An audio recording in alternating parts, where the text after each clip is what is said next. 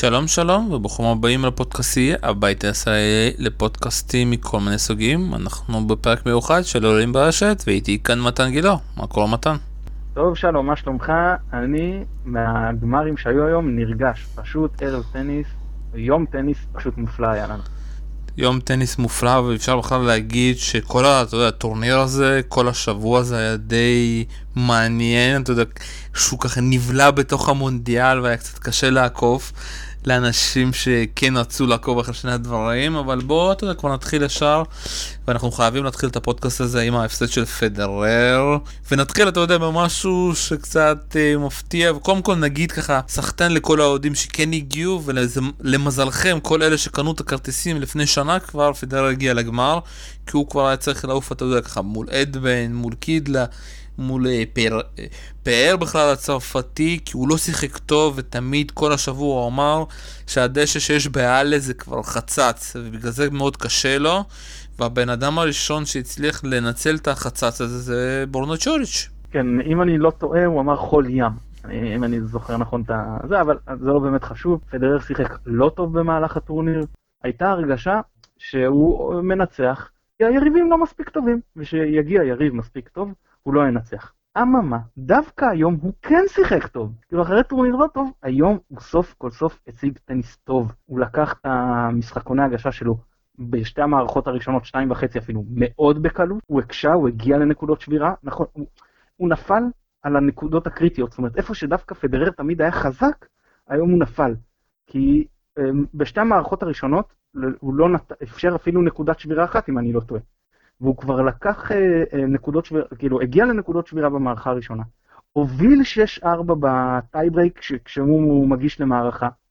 הפסיד, לקח את השנייה, ובמערכה השלישית, באמצע המערכה, ראית שפיזית ומנטלית הוא פשוט הלך שם לאיבוד, כאילו, הוא היה עצבני, וזהו, אז, אז, אז, אז דווקא היום, אחרי טורניר שלם, שבו הטניס היה הבעיה, היום לא הטניס היה הבעיה. אבל אתה צודק, המשטח כן, כן הציק לו, ראו את זה. שוב פעם, אבל אתה יודע, זה מאוד קשה להגיד שפדר לא היה שם פה, כי סוף סוף היה לו כל יריב, אתה יודע, יריב שכן השפיע וכן נתן לפדר לחשוב, תשים לב, כמעט כל הנקודות הקלות זה בסרב וולי, ושהסרב הראשון לא נכנס, והוא היה צריך, אתה יודע, להישאר עם צ'וריש מהקו האחורי לפדרר היה קשה, הוא לא הצליח להתמודד היום מהקו האחורי מול צ'וריץ'.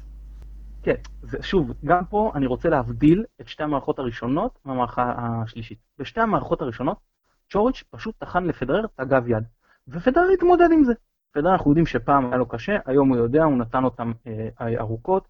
דווקא במשחק נגד פייר, הוא ניצח את המשחק על הרבה מאוד ספין שהוא נתן עם, הגב יד, ב cross. היום הוא לא עשה את זה, הוא הלך הרבה על ה slice, כי זה יותר קל לו מן הסתם במשחקים שהולכים אה, ארוך, וזה גם חבטה יותר בטוחה. אה, כמעט לא הלך down the line, וחבל, כי כשהוא כן הלך זה אה, הביא לו נקודות יחסית קלות. זה היה בשתי המערכות הראשונות והוא התמודד עם זה. וצ'וריץ', מערכה שלישית, התחיל לגרום לו לחשוב, הוא התחיל לתת לו גם ל forehand, והוא התחיל לשחק מאוד מאוד מגוון, וקצרות וארוכות, וקרוסים ודאם דלן, והוא התחיל באמת לגוון את כל סט המערכות שלו, ופה פדרר נפל. דווקא פדרר שבדרך כלל יודע לחשוב, נפל ברגע שהוא היה צריך לחשוב. כשהוא עבד על אוטומט, למרות שהלכו למכה לכאורה הפחות חזקה שלו, הוא התמודד יפה. ברגע שצ'וריץ' גרם לו לחשוב, הוא קרס. שוב פעם, וזה, וזה, אתה יודע, וזה בדיוק העניין של המתמודדים שלו. לא פאר הצרפתי, לא אדבן ולא קודלה, גרמו לפדרר לחשוב, הם שיחקו ממש, אתה יודע, די סיסטימטי, אתה יודע, פורן בקן, פורן בקן, כמעט אין סלייסים, כי אדבן לפחות אתה יודע, עלה קצת לרשת וקצת עשה בלאגן מהמשחק, אבל כשאתה עולה יותר מדי לרשת, אז פדרר פתאום, אתה יודע, היה צריך פשוט למצוא את הרגע הנכון, איך להעביר. צ'וריץ' היה די קשה גם, אה, אתה יודע, מהקו האחורי, ובמיוחד גם שהוא עלה לרשת, אתה יודע, זה די מפתיע, ותשים לב איפה בסופו של דבר, אה, איך צ'וריץ', אה, אתה יודע, נשבר עם כל המשחק הזה, צ'וריץ' נשבר בסופו של דבר. בכדור שהוא לא הצליח עם התנועה להסתדר ליד הרשת, אתה יודע, קוקי קצת אה, בשידור, אם שמעת את השידור בערוץ הספורט, קצת צחק, נכון, זה די קשה להבין איך אתה מחטיא כדור כזה בנקודה, אתה יודע, מכרעת, אבל בסופו של דבר, מרוב שזה קל והגוף שלך קצת, אתה יודע, התבלבל, וזה אנחנו צריכים לזכור, זה דשא. מאוד קל, אתה יודע, דווקא להחטיא, את זה. הוא, הוא הפגין שם המון חוסר מנטלי, כי זה החטאה, עשרה סנטימטר מול שער ריק. כאילו אין, אם אני מקביל לכדורגל, אתה יודע, זה ממש ככה. ונכון שאחרי זה גם אם הוא היה מנצח אותה, עוד הייתה עוד אפשרות שבירה לפדרר, זאת הייתה נקודה קריטית, ומשם גם משחקון אחרי, במשחקון הגשה של פדרר למערכה, אז היה, ראית שמנטלית קשה לו. אחרי זה בין המערכות הם ירדו לחדרי, לשירותים כנראה, הפסקת שירותים, ולשטוף קצת פנים, ראו שהוא נרגע, הוא בא אחרת, הוא אסף את עצמו, והוא התחיל טוב עם, ה, עם ההגשה, והייתה שם נקודה הראשונה במערכה השלישית, שהלכה כמעט, וזו נקודה שהייתה מאוד חשובה. שראית שהוא ממנה אסף ביטחון, זאת אומרת, הוא אמר, לקחתי אותה, למרות שהיה לי פה קשה, מפה אני, אני כבר ממשיך טוב, והוא עשה את זה יפה, ולבחור צעיר זה דבר שמאוד חשוב, ומראה על הרבה פוטנציאל אה, מנטלי, כי את הטניס יש לו. ושוב, ושוב, אתה יודע שאנחנו מנסים להבין מי ניצח את המשחק הזה, אני חושב שכדי לנצח את פדרר, וזה משהו שהוא, אתה יודע, קצת אה, לא הצליח לו באינדיאנס ורס, אם אני טועה, שהוא הפסיד לפדרר במשחק צמוד. שהוא, אתה יודע, לא הצליח להגיש למשחק, זה הקור רוח, מה אתה עושה בנקודות החשובות. וגם ראית במשחק הזה, הוא שב... הצליח לשבור את פדרר במערכה השלישית אחרי שלושה צ'לנג'ים, אתה יודע, הזויים של פדרר נקודה אחרי נקודה אחרי נקודה, שכולם, אתה יודע, אאוטים היו בחצי, ושבר אותו גם, אתה יודע, במשחקון האחרון, לא כאילו גרם שהלחץ יגיע כמו שקרה באינדיאנס ורס, וזה איזשהו שינוי תפיסתי של, של אה, צ'וריץ', אתה יודע, לשים את הרגל על, על הגז. ולהכריח את uh, פדרר לעשות סרב ונבולי, כי פדרר פשוט, ב, אתה יודע, במערכה האחרונה הוא כבר לא יכל להישאר מהקו האחורי, לא יכל. תשים לב, כל פעם הלך לסרב וולי, כי הוא כבר לא היה לו כוח, וגם לא היה לו כוח לחשוב כנראה. כן, וזה, וזה לא מבשר טובות בשביל פדרר, כי הוא הולך פה לגרנדסלאם. גרנדסלאם זה שלוש מערכות מינימום. אני, ו... אני חושב שהתנאים לא שונים. התנאים שונים. יכול להיות שהתנאים שונים. זה לא ילך לו חלק כמו שנה שעברה, הוא לא מגיע באותו כושר, הוא, הוא יפסיד מערכות, אני לא יודע בכלל אם הוא יזכה, כן, אבל מערכות, אני, אני מוכן, באחריות אני אומר, הוא כן יפסיד הפעם, והוא יצטרך אה, לגלות הרבה יותר סבלנות, ברור שהמצב המנטלי הוא שונה כשאתה משחק על גרנדסלאם וכשאתה משחק בהאלה, שבו, שכל העונת דשא שלו בעצם בונה אותו לווימבלדון, כן? גם, גם אני חושב שעצם זה שהוא זחג כבר בשטוטגארט, והוא קצת איבד, איבד פה סבלנות, הוא כאילו, יאללה, יאללה, שיתחיל ווימבלדון, והוא איפשהו שכח בדרך שחבל, כי גם הקטע הזה של לחגוג את התואר המאה בווימבלדון יכל להיות משהו ממש ממש גדול. עכשיו, נכון, נכון כזה, לרתום את הסוסים לפני העגלה, את העגלה לפני הסוסים, סליחה, אבל, אה, אבל פה הוא גם איבד את זה, וחבל. אני שוב חושב שהתנאים של עלי ממש שונים, וכבר, אתה יודע, זה לא היה, לדעתי זה כבר לא היה משחק של דשא שנעים לראות היום, כי שמת לב איפה שהם מגישים, זה כבר הפך להיות אה, חצץ, וכל פעם תשים לב, גם השבירות, אה, אם אני זוכר נכון, גם השבירות של אה, צ'ורש, שתמיד שהכדור פגע ב...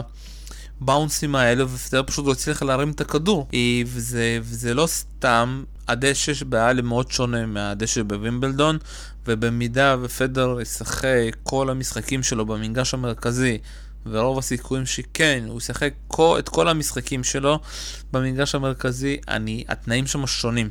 התנאים במגרש המרכזי בווימבלדון שונים. בואו קצת נדבר, אתה יודע, על צ'ורי, שאתה מצליח להבין את השחקן הזה? אני לא מצליח. מצד גם בתחילת השבוע שהוא ניצח את זוורב, אמרתי לך שזה בעיקר בגלל הפציעה של זוורב, אבל זוורב אחרי זה גם המשיך לשחק בזוגות עם אח שלו, כנראה שהפציעה באמת לא משמעותית, וזה הפסד יותר מנטלי, כי גם צ'וריץ' ניצח את זוורב ב US Open לפני שנה, ואחרי זה הוא התחיל להתקדם, ואני אגיד לך את האמת, צ'וריץ' מבחינתי זה איזושהי אגדה של חוסר יציבות. אני לא רואה איזושהי מכה שיש לו טובה, לא forehand, לא backhand, לא serve. ובסופו של דבר זה מין סוג חדש כזה של דוד אה, פרר. אם אתה מגיע, תופס את היום שלך, הצלחת, אם לא, ביי ביי. הוא מגיש יותר טוב מפרר, שזה משמעותי, והוא, והוא הוא, הוא יותר מודרני, הוא יותר מגוון. זה נכון, אה, אני לא זוכר אם דיברנו על זה, אני חושב שדיברנו על זה בהקשר של טים, כשדיברנו על, על הרולנד גרוס, שאין לו את המכאי שהוא יכול לברוח אליה. וזה באמת בעייתי להצליח, שהיום היה לו יום טוב, מה אתה עושה ביום פחות טוב? לאן אתה בורח? אז אה, באמת אין לו, אין לו את המקום הזה, וזה יקשה, אה, לא, אתה יודע, נגיד, לא, אני לא רואה אותו מגיע ל top 3, בטח לא נשאר שם, אבל היום הוא הציג טניס של top 10. ו- ולהילחם על, על, אתה יודע, 10-15, אני כן חושב שהוא יכול עוד אה, שנתיים מהיום. לא, אני חושב שהוא גם יכול, אתה יודע, יכול פתאום להופיע לך באיזשהו מאסטר כזה בארצות הברית כזה, אתה יודע, מיאמי, ניוסוול, סינסינטי, טורונטו, וגם להצליח. אה, שמתי את מי הוא, אתה יודע, עבר ככה בטורניר הזה, אז, נכון, הוא פגש את ההגרלה, אפשר להגיד, הכי קשה, ואפשר להגיד גנב את ההגרלה הזאת, כי הוא ניצח את אה, זוור שהוא המדורג מספר 2, ואחרי זה היה לו את אה, בסשווילי הגיאורגי, שהוא ניצח אותו 6-4-6-2. אחרי זה הוא ניצח את אנדר ספי, שזה היה משחק די מדהים, שספי פשוט, אתה יודע, כל פעם הייתה לו איזושהי נקודת שבירה ונקודת שבירה, ואיכשהו הציל, הציל, הציל, עד שפשוט נגמר לו, אתה יודע, הצלות, אפשר להגיד, לספי, ואז בחצי גמר הוא צ'ולג' בכלל לא שיחק, כי באוטיסטגוס נפצע בגלל החצץ שיש שם, אם, אם שמת לב לפציעה הזאתי. אז כן הייתה לו פה דרך שאפשר להגיד, בקווינס לדעתי הוא לא היה זוכה את צ'וריץ', כי ההגרלה בקווינס הייתה יותר קשה. זה נכון, אה, מצד שני, תראה, הוא ניצח את פדרר על דשא, אז כאילו בסופו של דבר, ופדרר בשטוטגרט ניצח את אה, קיריוס וניצח את ראוניץ', כאילו זה נכון שאתה לא יכול להגיד שאם הוא היה ניצח את פדרר הוא היה מנצח את האחרים, אבל זה כן אומר שהוא הוא, כאילו, אין כוכבית אם ניצחת את הכי גדול שהיה בהיסטוריה על דשא. אתה לא יכול כבר לו כוכבית על זה. אני חושב שיש פה כוכבית על הדרך, שהדרך שלו הייתה יותר קלה לדעתי. גם שוב פעם, גם לפדרר, אתה יודע, הוא פגש פה הרבה שחקנים שהוא בחיים לא פגש אותם, אבל אני רוצה לראות את קולג' שאתה מנצח ברבע, כזה ג'וקוביץ' בחצי קיריוס, בגמר כזה מין סטייל דל פוטו ב US Open. הזכייה של דל פוטו ב US Open 2009 זה הכי לא כוכבית, אתה יודע. כמו שאי אפשר להגיד לפעמים. אה, כמו שאתה יודע, הכוכבית של פדרר, שהוא לא ניצח בחיים את נדל ברון גרוס. שיש אנשים שב-2009 זה עדיין כוכבית. אתה יכול לשחק רק נגד מי שמתייצב מולך. אתה לא יכול לשחק נגד מי שמפסיד לפניך. בעיה של מי שהפסיד, אין כוכביות. זה לא, גם אתה לא יכול להגיד שהיה פה איזה מישהו שלא... שמע, היה, לו, היה פה את זוורב והיה פה את אה, פדרר, שזה שני הפיינליסטים של שנה שעברה. הוא עבר את שניהם, זהו, נגמר הסיפור, אין פה, אני לא, אני לא בכלל לא את הסיפור הזה של אה, כוכביות בטורנירים, והוא זכה בזכות. לא שוב פעם, אה, הוא זכה בזכות, אבל אני אומר שוב פעם, אני חושב שעם הגרלה אחרת, צ'וליץ' הצליח לנצל פה הגרלה מעולה, ושוב פעם, מאוד מעניין אותי לראות אותו בווימבלדון, איך הוא הצליח לתעל. ושוב פעם אני חוזר, התנאים פה שונים מאשר שיש בווימבלדון, וצ'ורג' יצטרך כמה שיותר מהר להתרגל לתנאים בווימבלדון, כי הוא לא ישחק במגרש המרכזי עם הגג. פה היה לו את היתרון של הגג, אפשר להגיד תמיד שהיה פה כל השבוע גשם בעלה, והתנאים כיפים, אתה יודע. צ'ורי שישימו אותו במגרש 18 כזה, 11, 5, לא יודע, בווימבלדון, וזה מגרשים יותר קטנים. וזה, ואני רוצה לראות את צ'ורי שמתמודד עם התנאים הקשים האלה. אני לא רואה אותו הולך חזק בווימבלדון אחרי הזכייה באלה, אה, יהיה לו קשה גם אה, מנטלית, תהיה פה איזושהי ירידת מתח, אבל בסדר, הוא, הוא צעיר. לתת לו זמן. בואו קצת נעבור על משחקים מעניינים שהיו בטורניר הזה, אה, ואני רוצה לדבר איתך קצת, קצת על טים. שאתה יודע, ראיתי אפשר להגיד את המשחקים שלו מול יוזני, היה משחק מעניין, אה, למרות שזה לקח לו, אתה יודע, הוא נשבר שם בסט הראשון, ולקח את זה רק בשובר השוויון, 7-5, ואחרי זה, אתה יודע, נפילה מול סוגיטה.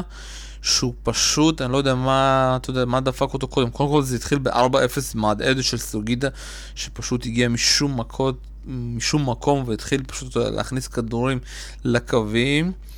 ומצד שני טים פשוט משחק באותו סגנון כמו שהוא משחק על החימר. אני מנסה להבין, אתה יודע, המאמנים שלו די מנוסים, אתה קצת לא יכול לשנות את הגישה שלך, איך שאתה משחק. דיברנו עליו בפרק הקודם שהקלטנו ביחד, אמרתי לך, הטניס של טים חסר השראה, ובדיוק על זה אני מדבר. הטניס של טים חסר השראה, אין לו התאמות, אין לו... יש לו את הטניס של טים, שהוא טניס חימרי, וזה מה שהוא מביא. זה, אין פה משהו אחר, וזה בגלל זה טניסאי, אתה מבין, הוא טניסאי נהדר, אבל טניסאי שקשה להתחבר אליו, וגם המשחקים שלו הם פחות, מה לעשות, הם פחות מעניינים לצפייה, והוא לא מתאים לדשא. אז אם הוא לא יתאים את עצמו, שזה בסדר, זה זכותו, אל תתאים את עצמך ותמצא את עצמך בחוץ לשמינית גמר של טורניר 500. טוב, אה, בואו קצת נדבר גם על השחקנים שפדר ניצח, אדבן, קודלה, ממש התלהבתי מאדבן, אתה יודע, ואני קצת מופתע, אתה יודע, הוא ניצח גם את אה, כל שובר כאן 6-1-6-2 בסט השני והשלישי. ונתן משחק מעולה מול פדרר, ומצד שני גם אה, קודלה, אתה יודע, היה מאוד אה, מעניין לראות אה, אותו. הייתי קצת, אתה יודע, חלקים מהמשחק שלו מול סוגיטה. גם שני שחקנים שממש הפתיעו אותי, והשאלה באמת, אתה יודע, אם זה באמת, ההופעה שלהם פה באמת תיתן להם איזשהו פידבק, ואתה צריך לשים אותם כמין כוכבית לסוס השחור בווימבלדון, כזה שכן יצליחו לעבור סיבוב או שתיים. או שאתה אומר שזה משהו חד פעמי? לא, לא, ממש לא. זה חבר'ה לא, לא מספיק מוכשרים, מייצרים קצת עוצמות, גם לא איזה משהו ברמת האנדי רודיק, כן? הם גם לא חבר'ה צעירים שאתה יכול לבוא ולהגיד, יש פה איזה פוטנציאל לשיפור רציני. אבדן בן 30 וקודלה בן 25. ו... בסדר, זה נחמד שפעם בהם עושים איזה טורניר יפה ומקשים קצת על פדרר, אבל זה... לא הם אה, מי שילכו חזק בווימבלדון לדעתי. טוב, האחרון שאני רוצה לדבר איתך עליו פה זה קארן קצ'אנוב, מנצח את נישיקורי במשחק, אפשר להגיד די מדהים, אבל אתה יודע, עם תוצאה 6-2-6-2, שזה בעיקר טעויות של היפני, אה, ודי מפסיד, עוד פעם, סט שלישי. אפשר להגיד, בסט של... בום בום בום טראח, אה, אם אתה מכיר את הרוסים, גם את החבר שלו רובלב, ש... ואם אתה גם זוכר את המשחק שלו מול זוורב, שהוא הפסיד במערכה החמישית, שלפעמים כשאתה מגיע פיוז, הם פשוט מתחילים להעיף כדורים לשמיים. אני מאוד אוהב את חדשנוב, את אה, רובלב, את מדוודב, באמת יש להם שם דור צעיר, יופי של טניס, חסרי כל יציבות ויכולת מנטלית. מישהו שם בטניס הרוסי לא מינה להם שם פסיכולוג ספורט. לא, החבר'ה האלה זה, זה לא ייאמן, כי אתה פשוט נהנה, זה טניס שווה. זה טניס, אתה אומר, וואו, יש לו פוטנציאל, הם חבר'ה כל כך מוכשרים, עם יכולות פיזיות מטורפות, כאילו, הח... באמת, החבילה המלאה, שפשוט לא מצליחים לייצר רצף ניצחונות. זה, אני כאילו ממש מתעצבן עליהם. אתה יודע מה שאני מפחיד? אני מאמין ששמעת את כל התיאוריות של דסקל לגבי הספורט הרוסי, וגם שהרוסיה במונדיאל הזה רצה הכי הרבה, שזה די מפתיע.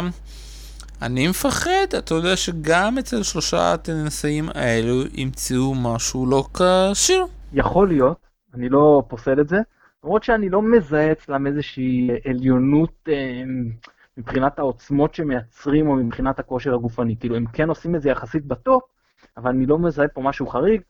יכול להיות באמת שבספורט הרוסי קשה מאוד uh, לדעת, אבל uh, בואו ניתן להם בינתיים uh, זכאים מחמת הספק, זה גם לא לקח אותם לאיזשהו מקום, שאתה אומר, uh, טוב, יש פה איזשהו הרבה תארים, בואו נשים עליהם כוכבית, הם בינתיים לא זוכרים בכלום, אז לא שזה אמור להכשיר את השרץ, אבל אני אומר שבינתיים זה, אין פה איזה משהו ש, שבולט, שעולה כלפי מעלה, כי הם פשוט לא, לא מצליחים.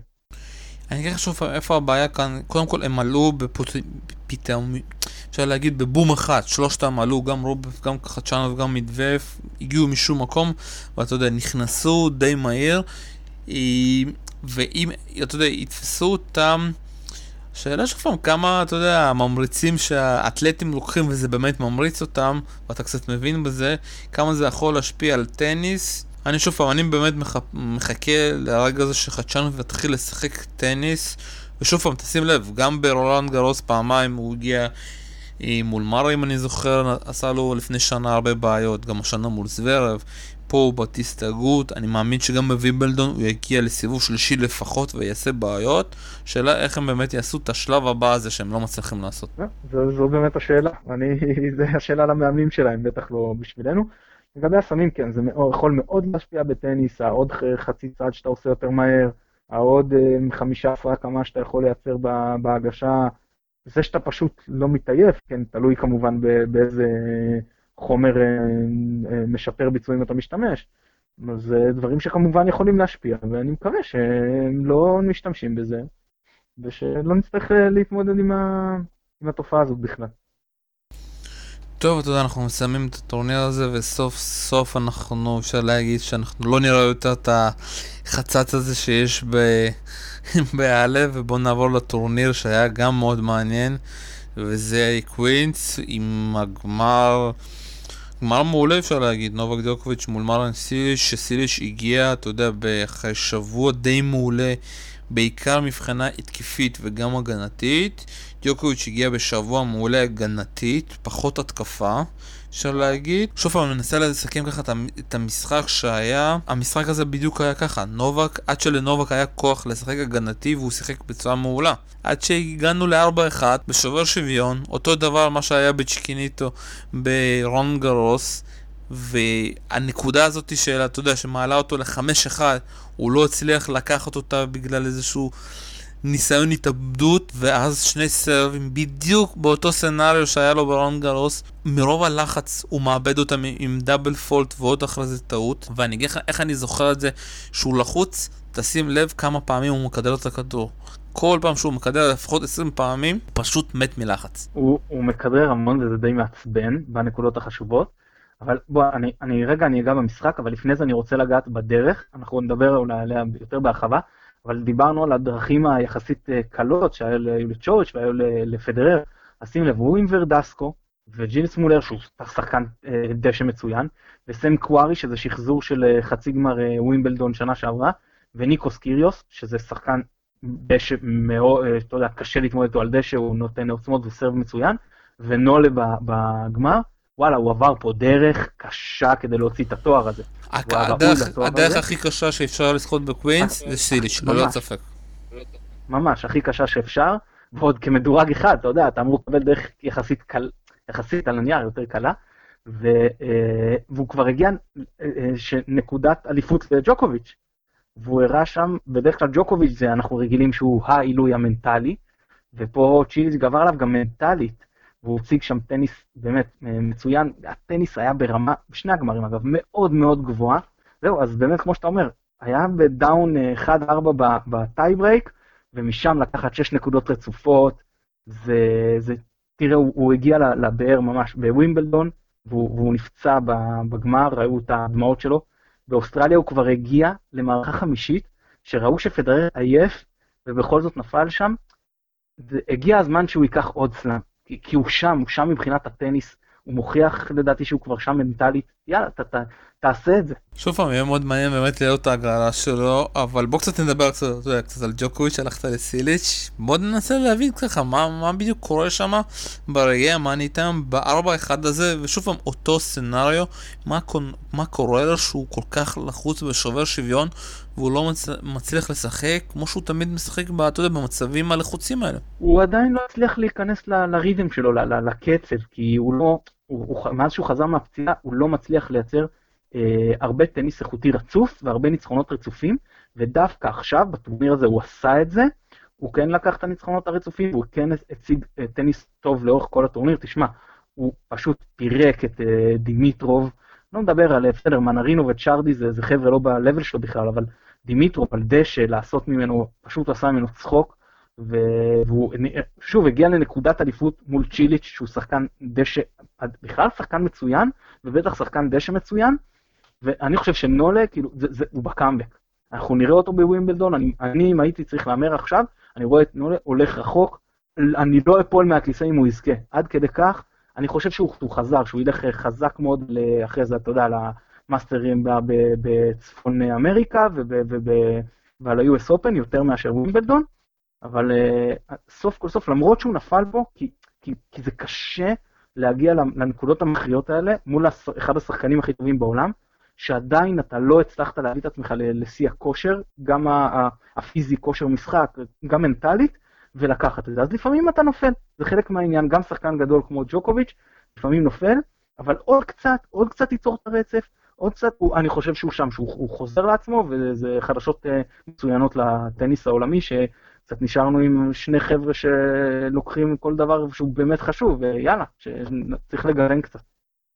שוב פעם, אה, דיוקוביץ' חזר כאן בעיקר בפן ההגנתי. תשים לב, הניצחון מול דמיטרוב, 6-4-6-1, דמיטרוב פשוט שמה אה, הפציץ יונות וציפורים, הוא לא היה במשחק, אתה יודע, אני לא יודע, הוא פשוט לא היה, דמיטרוב לא היה במשחק, ונובק פשוט החזיר עוד כדור ועוד כדור. גם המול הצרפתי, אתה יודע, מנרינו, אין לו איזשהו סרף מדהים, 7-5-6-1, מנרינו שם פשוט, אתה יודע, אחרי השבירה הראשונה בסט השני, בסט השני כבר פשוט נתן את המשחקון במתנה, ודיוקוביץ', אתה יודע, נהנה. כי מאוד קשה לשחק מול נולה במוד ההגנתי שלו.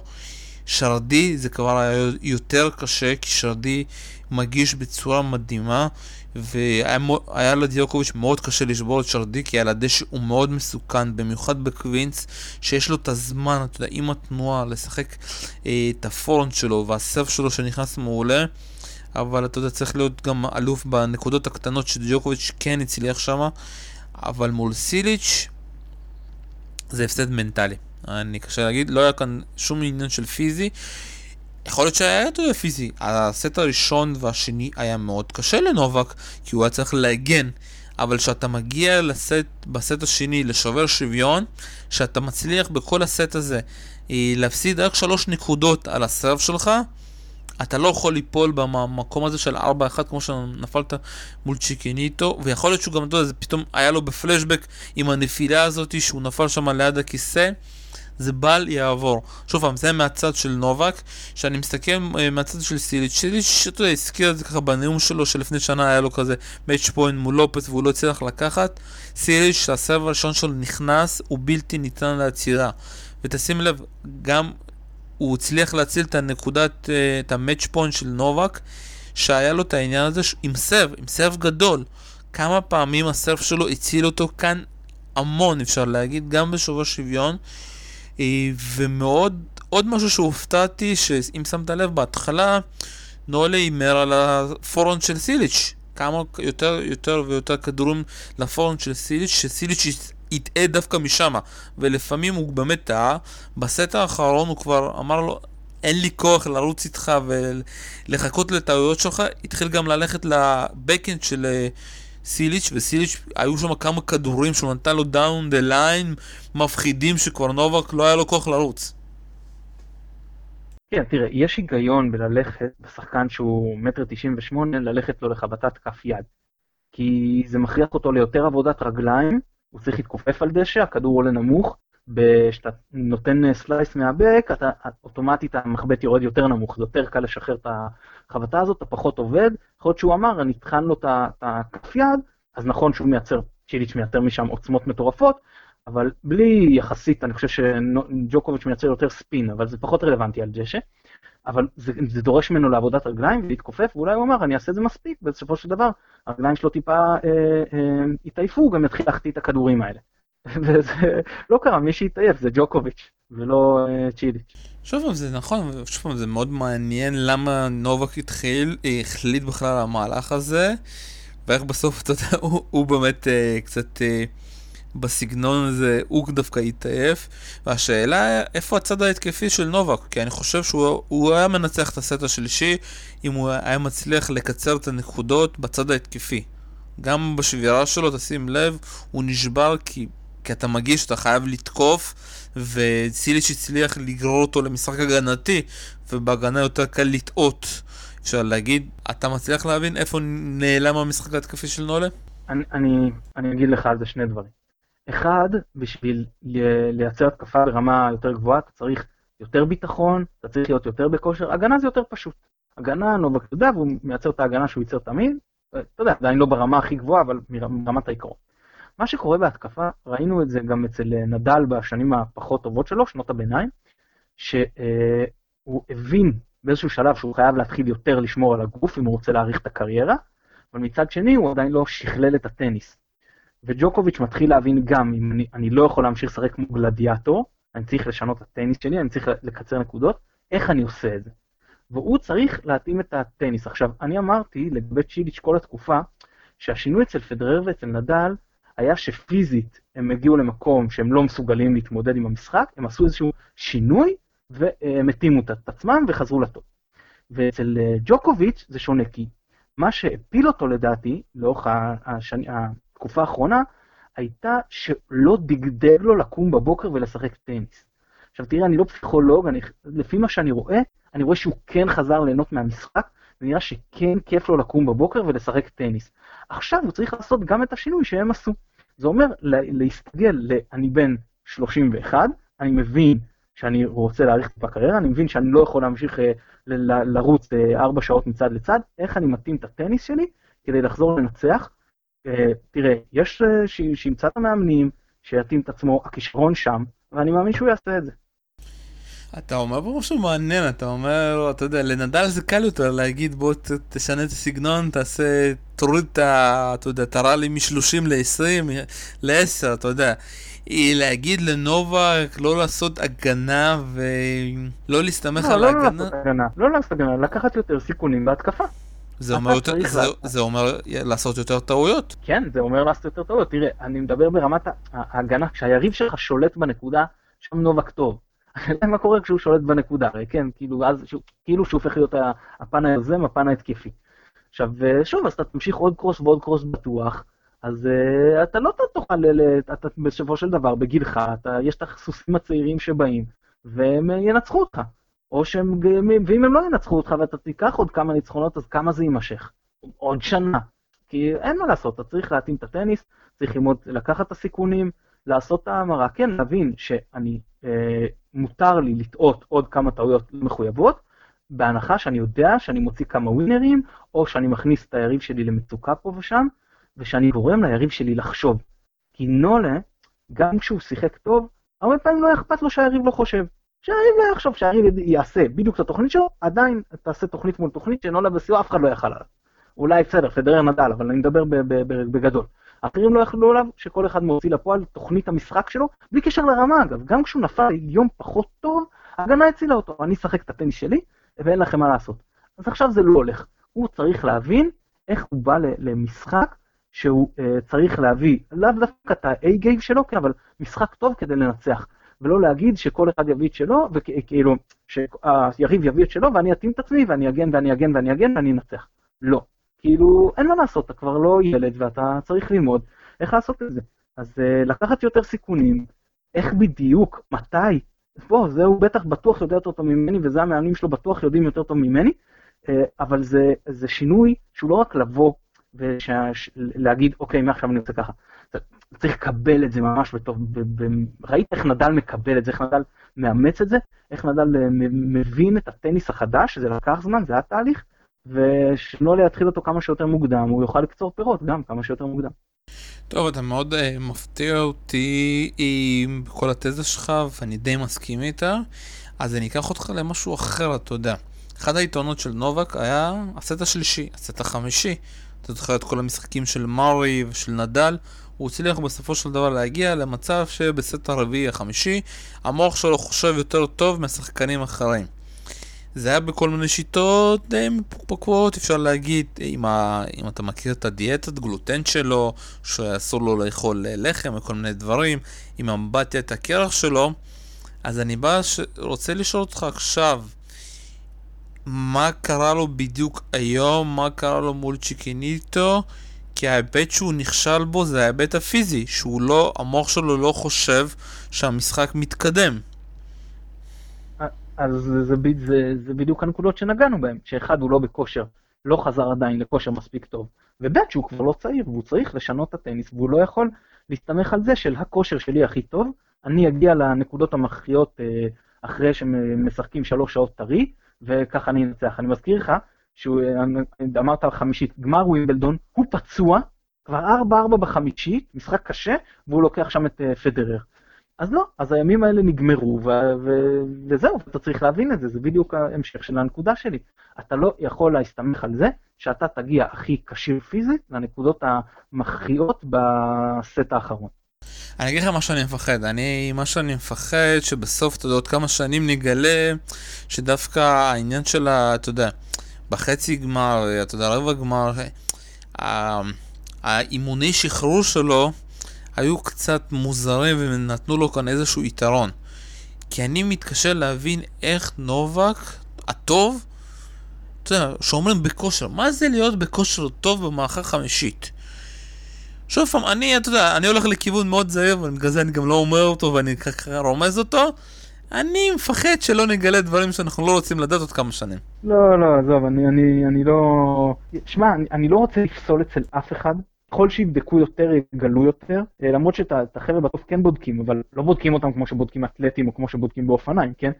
לא, אה, אני להיות שהם מדבר, אני, יותר, אני, אה, מדבר על, יגלו, אבל- אני מדבר על כל, אתה יודע, אמבטיות הקרח האלה, על כל המכשירים האלה שהם נכנסים, אני שוב ראית את העניין, איך הם כאילו, איך הם גורמים לעצמם לחזור לעצמם עם כל מיני תאי לחץ מיוחדים. נובק נמצא, אתה יודע, כל פטנט חדש שיוצא, נובק שם על זה כסף. אתה יודע, הוא השותף של חברה שנקראת פלייסאט, שעושה, אתה יודע, בודקת איך הסף שלך הולך, לאיזה מהירויות, וכל פעם, אתה באימונים, אתה יודע, יש לו בדיקה. נובק לוקח את כל הדברים הטכנולוגיים הכי חדשים. על זה אני מדבר. אז זה מצוין, אני לא רואה בזה שום דבר אה, בעייתי. תראה, זה מה שעושה קריסטיאנו רונלדו, והוא שחקן בן 33 עם אה, מצב פיזי בין הטובים בעולם. וזה מה שעושה לברון ג'יימס, ששם מיליון וחצי דולר, אה, כל, אה, אה, מיליון חמש מאות אלף, כן? כל שנה על ה, רק על הגוף. ואתה רואה שהוא שחקן בן 33 ששיחק העונה יותר מ-100 משחקים ויותר דקות מכולם. אז כן, אם אתה רוצה להאריך קריירה, אז כן, אז אתה כל שטיק וכל דבר שאתה יכול לשפר בעוד קצת, וכל איזה מכשור חדש, או דבר טכנולוגי חדש, אתה משתמש, וכל עוד כמובן זה, זה מוכח, או לוקח את הצוות הכי טוב ומוציא על זה כסף, וכן, מה שלפעמים, אתה יודע, נראה לך קצת מוזר, זה ככה, זה עוד קצת שמאריך את הקריירה, ועוד קצת נותן לך להישאר בכושר, ודווקא כל הכבוד שהוא עושה כי הרבה פעמים הדברים האלה גם גורמים, אה, מובילים לאימונים יותר קשים. ואני אני, אני מסתמך פה על אה, סרטונים ומאמרים ששחררו לגבי אה, לברון או לגבי רונלדו, ואם לא מאמץ בין השאר את הטכנולוגיות האלה, שגם אה, דורשות ממך, חלקן לפחות, אימונים יותר קשים, אז כל הכבוד. טוב, אה, בואו קצת נדבר, אתה יודע, גם על המשחקים האחרים שהיו, ואני רוצה לדבר איתך על קיריוס, אתה יודע, כל המשחקים ש... שלא ממש נהניתי, אה, במיוחד כי היה לו קרבות ממש קשים, אה, אתה יודע, אם זה מול, אתה יודע, הוא כבר התחיל לשחק מהסיבוב הראשון מול מארי, ולא נתן למארי לנצח, למרות שמארי היה די קרוב, צריך להביא אותו, אתה יודע, כי זה היה די מוזר אם הוא היה מפסיד למארי אחרי שמארי לא שיחק שנה. הוא המשיך עם אדמון, משחק מאוד קשה, אה, וזה נמשך, אתה יודע, אפשר להגיד, אה, גם מול לופס הוא לא שיחק, כי לופס... אה, לא, לופס, מול לופס הוא שיחק וניצח אותו בשני שוברי שוויונים, שבשני השוברי השוויונים האלה לופס קצת, אפשר להגיד, נאבד קצת עם עצמו, ומול סיליץ' כבר, אתה יודע, גם בשני שוברי שוויונים, הוא כבר, היה לו מאוד קשה להגיע ל-level שהוא הגיע ללופס, כי סיליץ' כבר לא עשה את הטעויות האלה בשובר שוויון, ואתה מכיר את uh, קיריוס, אם קצת נהנה, הוא עושה תנועה לא נכונה, הוא מפסיד איזשהו סב, כבר במיוחד עם סיליץ', שהיה ביום מדהים אתמול, אתה יודע, מול קיריוס, הוא פשוט הגיש כמו משוגע, וזה קצת, והיה לו גם אפשר להגיד יותר קל בשובר השוויון, כי אתה יודע שקיריוס לא שחקן הגנה, הוא שחקן התקפי. סבבה, קיבלת ממנו כמה פצצות בסרבים, אבל קח ממנו איזושהי נקודה, והוא כבר יאבד את הנקודה הבאה. כן, הוא הד קייס, והוא לא, לא מגן מספיק טוב, אתה יודע, תמיד בורחים להד קייס, שאגב זה נכון, אבל זה לא רק זה. קיריוס לא מייצר הגנה מספיק טובה, הגנה זה עבודה, הוא לא עובד מספיק קשה על המגרש, אני מניח, לא יודע, אני מניח שהוא גם לא עובד כנראה מספיק קשה באימונים, כי זה הרבה פעמים בא אחד עם השני, אה, הוא לא מחזיר ברמה מספיק גבוהה. ויש גבול כמה אתה יכול ללכת חזק עם ההתקפה שלך. לא, אבל זה, אתה יודע, אתה לא צריך. בדשא, בדשא זה יכול לקחת אותך רחוק יחסית, כי אתה יכול ללכת לעוד שובר שוויון ועוד שובר שוויון, ושם זה כבר, אתה יודע, האחוזים מצטמצמים, זה יותר מקרי. אבל אני לא רואה אותו נגיד מאיים, אתה יודע, אפילו על חצי גמר ווימבלדון. אני חושב שזה עלוי בהגרלה. אם הוא מצליח לקבל הגרלה, שאתה יודע, לא כמו הגרלה הזאתי, שזה מר אדמון לופס, שאתה יודע, שאתה מגיע מול סיליץ' כבר, אפשר להגיד, גמור. שוב, אתה מבין, כל מי ששיחק פה קיבל הגרלות ממש קשות. כי אתה מקבל את נובק לא מדורג, את מארי לא מדורג. אז אתה מבין, אה, ונובק בסופו של דבר, איך, עם ה... שהוא לא מדורג כאן, מקבל את מילמן בסיבוב הראשון, אבל זה לא היה קרוב ש... אתה יודע, כמו שעכשיו וברינקה מקבל את uh, מרי בסיבוב הראשון באיזבון, זה לא היה קרוב גם שפתאום הוא יפגוש איזשהו מדורג, אה, פתאום את מרי, אתה יודע, נובק יכול גם לפגוש, אתה יודע. זה מאוד, הטורניר הזה היה מאוד קשה מבחינת המדורגים. וקיריוס לא צריך לעשות הגנה, אתה יודע, הגנה משפיעה בעיקר בשובר שוויון, כי שם אתה חייב גם, אתה יודע, להגן. אתה יכול, אתה יודע, לס... כמו שקיריוס שם זורק זין על כל המשחקוני הגשה של האחרים ומגיע לו שובר שוויון. אפשר גם להגיד, אבל הוא גם שבר, אתה יודע, מה שאהבתי במיוחד מקיריוס השבוע, שהוא גם גיוון את המשחק עם כל מיני, אתה יודע, בין הרגליים, סלייסים, אה, הגיע לרשת, ושהוא מגיש ככה על הדשא. רוצה להזכיר לך את הניצחון שלו על נדל בווימבלדון, אתה לא יכול לעשות הרבה דברים. אתה יודע שהבורג הזה של הסב עובד לו, אי אפשר לעצור אותו, אבל בהגרלה כזאת, שוב פעם, אתה יודע, גם, גם מול uh, פדרר, הוא שיחק מדהים, אתה יודע, והיה לו שם חסר לו הצ'ופצ'יק הזה, אתה יודע, שלא יסתדר לו שם, ופדר שוב פעם אומר תודה, כי זה כבר שובר שוויון אה, עשירי שהם משחקים ביחד. כן, מה אני אגיד, אה, גדול אתה אמרת הכל אבל אה, אני אומר שוב, הגרלה פה פחות תירוץ, כי צ'יליץ' עבר הגרלה לא פחות קשה, כשאתה בא מול צ'יליץ' ואתה לא מייצר אפילו נקודת שבירה אחת כל המשחק, אז אין מה לעשות, אז אתה תגיע מול שובר שוויון, מול שחקן שהוא יותר טוב ממך, שהוא מגן יותר טוב ממך, שהוא מתקיף לא פחות טוב ממך, ותפסיד ותרגיש טוב עם עצמך, תיתן לעצמך טפיחות על, הגש, על, ה, על הגב שלו, על השכם שלא נשברת. אבל זה לא יעזור לו. אם הוא רוצה ללכת יותר גבוה, הוא יהיה חייב לשפר את ההגנה והוא יהיה חייב לעבוד קשה על המגרש. טוב, מאוד מעניין, שוב אנחנו מדברים על זה, סטיליש היה מדהים, גם מול קיריוס, מול קוורי, גם, אתה יודע, היה מאוד מדהים, אז כשאתה פוגש שחקן שלא נותן לך את הדברים שאחרים נותנים, זה כמו נובק, אתה יודע, נובק נפל בשתי, אפשר להגיד, בשתי, אתה יודע, בשני פיקים קטנים, ולא הצליח לתפוס את סיליץ' בפיק אחד. דשא זה, אתה יודע, זה עניין של נקודה לכאן או נקודה לשם. נכון, אבל הנה, זה מה שאני אומר. נובק כן הצליח להגיע לשם, וקירוס לא הצליח להגיע לשם. זהו, זה, זה, זה הסיפור. עכשיו, אתה שואל את עצמך למה. זה מקרי? זה רק כי צ'יליץ' היה ביום פחות טוב? אני חושב שלא. וסיליץ' היה ביום אה, מעולה, אבל אה, באמת ההגנה שלו. מה, בואו קצת נעבור קצת על עוד משחקים שהיו כאן. בואו קצת נדבר על אה, טיפאו האמריקאי. אני, אני אגיד לך, אני לא נהנה ממנו, לדעתי הטניס שלו יותר מדי צפוי וקצת התנועה שלו והגובה שלו לא מתאימים בכלל, אתה יודע, לדשא. יכול להיות שהוא יותר שחקן, אתה יודע, על מגרשים קשים כזה, US Open. מה, איך אתה רואה אותו באופן כללי? אני לפני שנתיים, אני חושב שזה היה, שהוא היה אה, פרץ, או שזה היה שנה וחצי, משהו כזה, באלף בארצות הברית, אם אני לא טועה, תקן אותי אם אני טועה, ואני חשבתי שהוא ילך ממש חזק, בינתיים זה לא ממש קורה, אתה יודע, מדורג שם אפילו לא מצליח אה, מקום 60 אה, בעולם, 60 וקצת.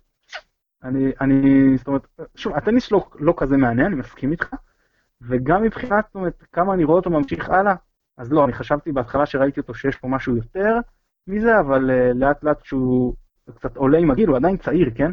אבל כשהוא עולה קצת, אני רואה שזה לא משתפר, ואני לא חושב שנראה ממנו יותר מדי. ומשהו על המילה, על החבר שלך, הבולגרי הזה, עם אה, השם שקוראים לו גריגור, ומסיים בדמיטרוב, היה מדורג פה שתיים. baby פדרר. כן, הוא, הוא כל הקריירה שלו זה בדרך כלל. תראה, זה, זה מצחיק להגיד על שחקן שחי אה, לא מעט ב top 10, top 20 כל הקריירה, שזה קריירה מאכזבת. אבל שיש לך כאלה ידי טניס, זהב, זה קריירה מאכזבת. זה, כאילו, מה זה קריירה מאכזבת? זה מצחיק שאני יושב בבית ומקליט ואומר על דימיטרוב קריירה מאכזבת. אבל הוא היה יכול, אני חושב שהוא יכל אה, להגיע ליותר. כי הוא יש לו ידיים מדהימות. העניין של החוסר היציבות, אתה יודע, אחרי שנה שעברה, ואתה יודע, המשחק המדהים שלו מול אה, גופן, ואם אני לא טועה, הוא, אתה יודע, הוא לקח את הטורניר סוף שנה. נכון, כן. לא- נכון. הוא לקח, ומאז נאדה, אתה יודע, וזה די מעצבן, ולפני שנה, אתה יודע, באוסטרליה הוא נתן משחק מעולה מול אה, נדל, ואמרת, הנה, אתה יודע, זה שנת הפריסה שלו, והוא באמת מממן, ממנה מאמנים ברמה הכי גבוהה. אבל uh, הוא בדיוק במצב המנטלי של נובק, שכאילו מישהו מכריח אותו לבוא ולשחק טניס. המשחק שלו מול נובק היה כל כך מאכזר, אתה יודע. עד שהוא זז, עד שהוא מגיש, עד שהוא עושה תנועה. זה נראה שהוא עושה טובה לכולם, אתה יודע. הבן אדם האחרון שעשה טובה והפסיד ככה, אתה יודע, את כל הסיבובים, אני לא יודע אם קוראים לו ברדיץ', החליט לפרוש מווימבלדון בטענה של כאבי גב ממושכים, אתה יודע. ומנע מאיתנו לראות אותו גם בווימבלדון פתאום מגרד איזשהו סיבוב שלישי. יכול להיות שגם דמיטרוב צריך לקחת איזושהי, אתה יודע, מנוחה מנטלית קצת מהסבב ולחזור קצת יותר רעב. אה, יכול להיות שזה מה שהוא צריך, תראה, אני במקומו קודם כל אחרי ווימבלדון ועד אה, קנדה, נכנס לאיזושהי הקפאה, באמת לנשום קצת. אה, לא, אבל תראה, הוא מדורג חמש, אתה לא יכול, קשה לזלזל בטניסאי כזה. אבל למדורג חמש בדרך כלל, שנכנס לטורנירים גדולים, אתה רוצה להרגיש, אוקיי, הוא יכול לקחת, ועם דימיטרוב, אני לפחות השנה, לא מרגיש שהוא יכול לקחת משהו רציני. אבל שוב זה, כל העניין של האוטומט, אתה יודע, גם הצוות שלו, ויכול להיות שגם בגלל הדירוג שלו, אתה יודע, אם היית מדורג 20-30, אז לא היית מגיע לכמה טורנירים, אף אחד לא היה אומר כלום. אבל בגלל שדמיטרוב אוהב דשא, אז כן, הוא חייב לבוא, אתה יודע, להראות את עצמו בקווינס. והוא רוצה באמת לשחק, אבל אתה יודע, זה קצת, אני כבר, זה לא נעים כבר לראות אותו משחק, אתה יודע, גם ב... זה, אתה זוכר את הקטע שהיה לו ברולנד גרוס?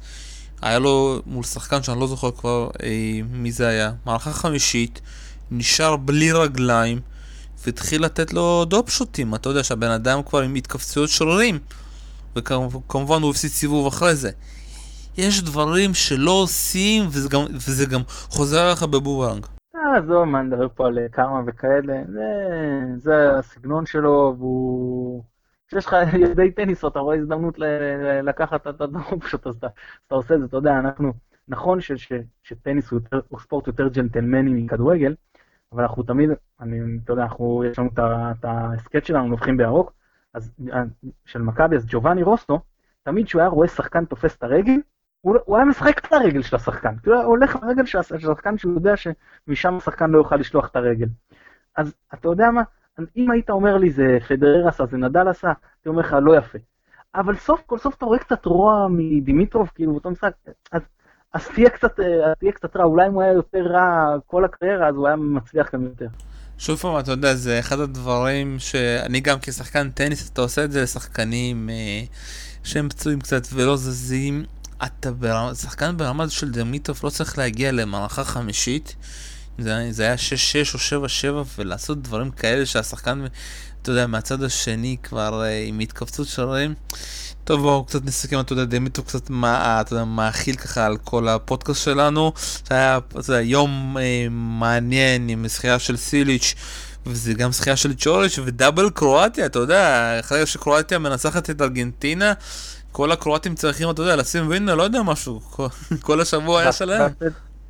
וזה בא לא סתם, אלא זה בא עם הפסד של סרביה לשוויץ בדקות האחרונות, והניצחון של צ'יליץ' על, אה, על אה, ג'וקוביץ' שהוא סרבי. כאילו זה גם שקרואטיה בשיא ועוד על חשבונה של סרביה, זה כאילו מבחינתם נראה לי באמת, המדינה, המדינה כאילו כולה מסיבה כבר כמה ימים.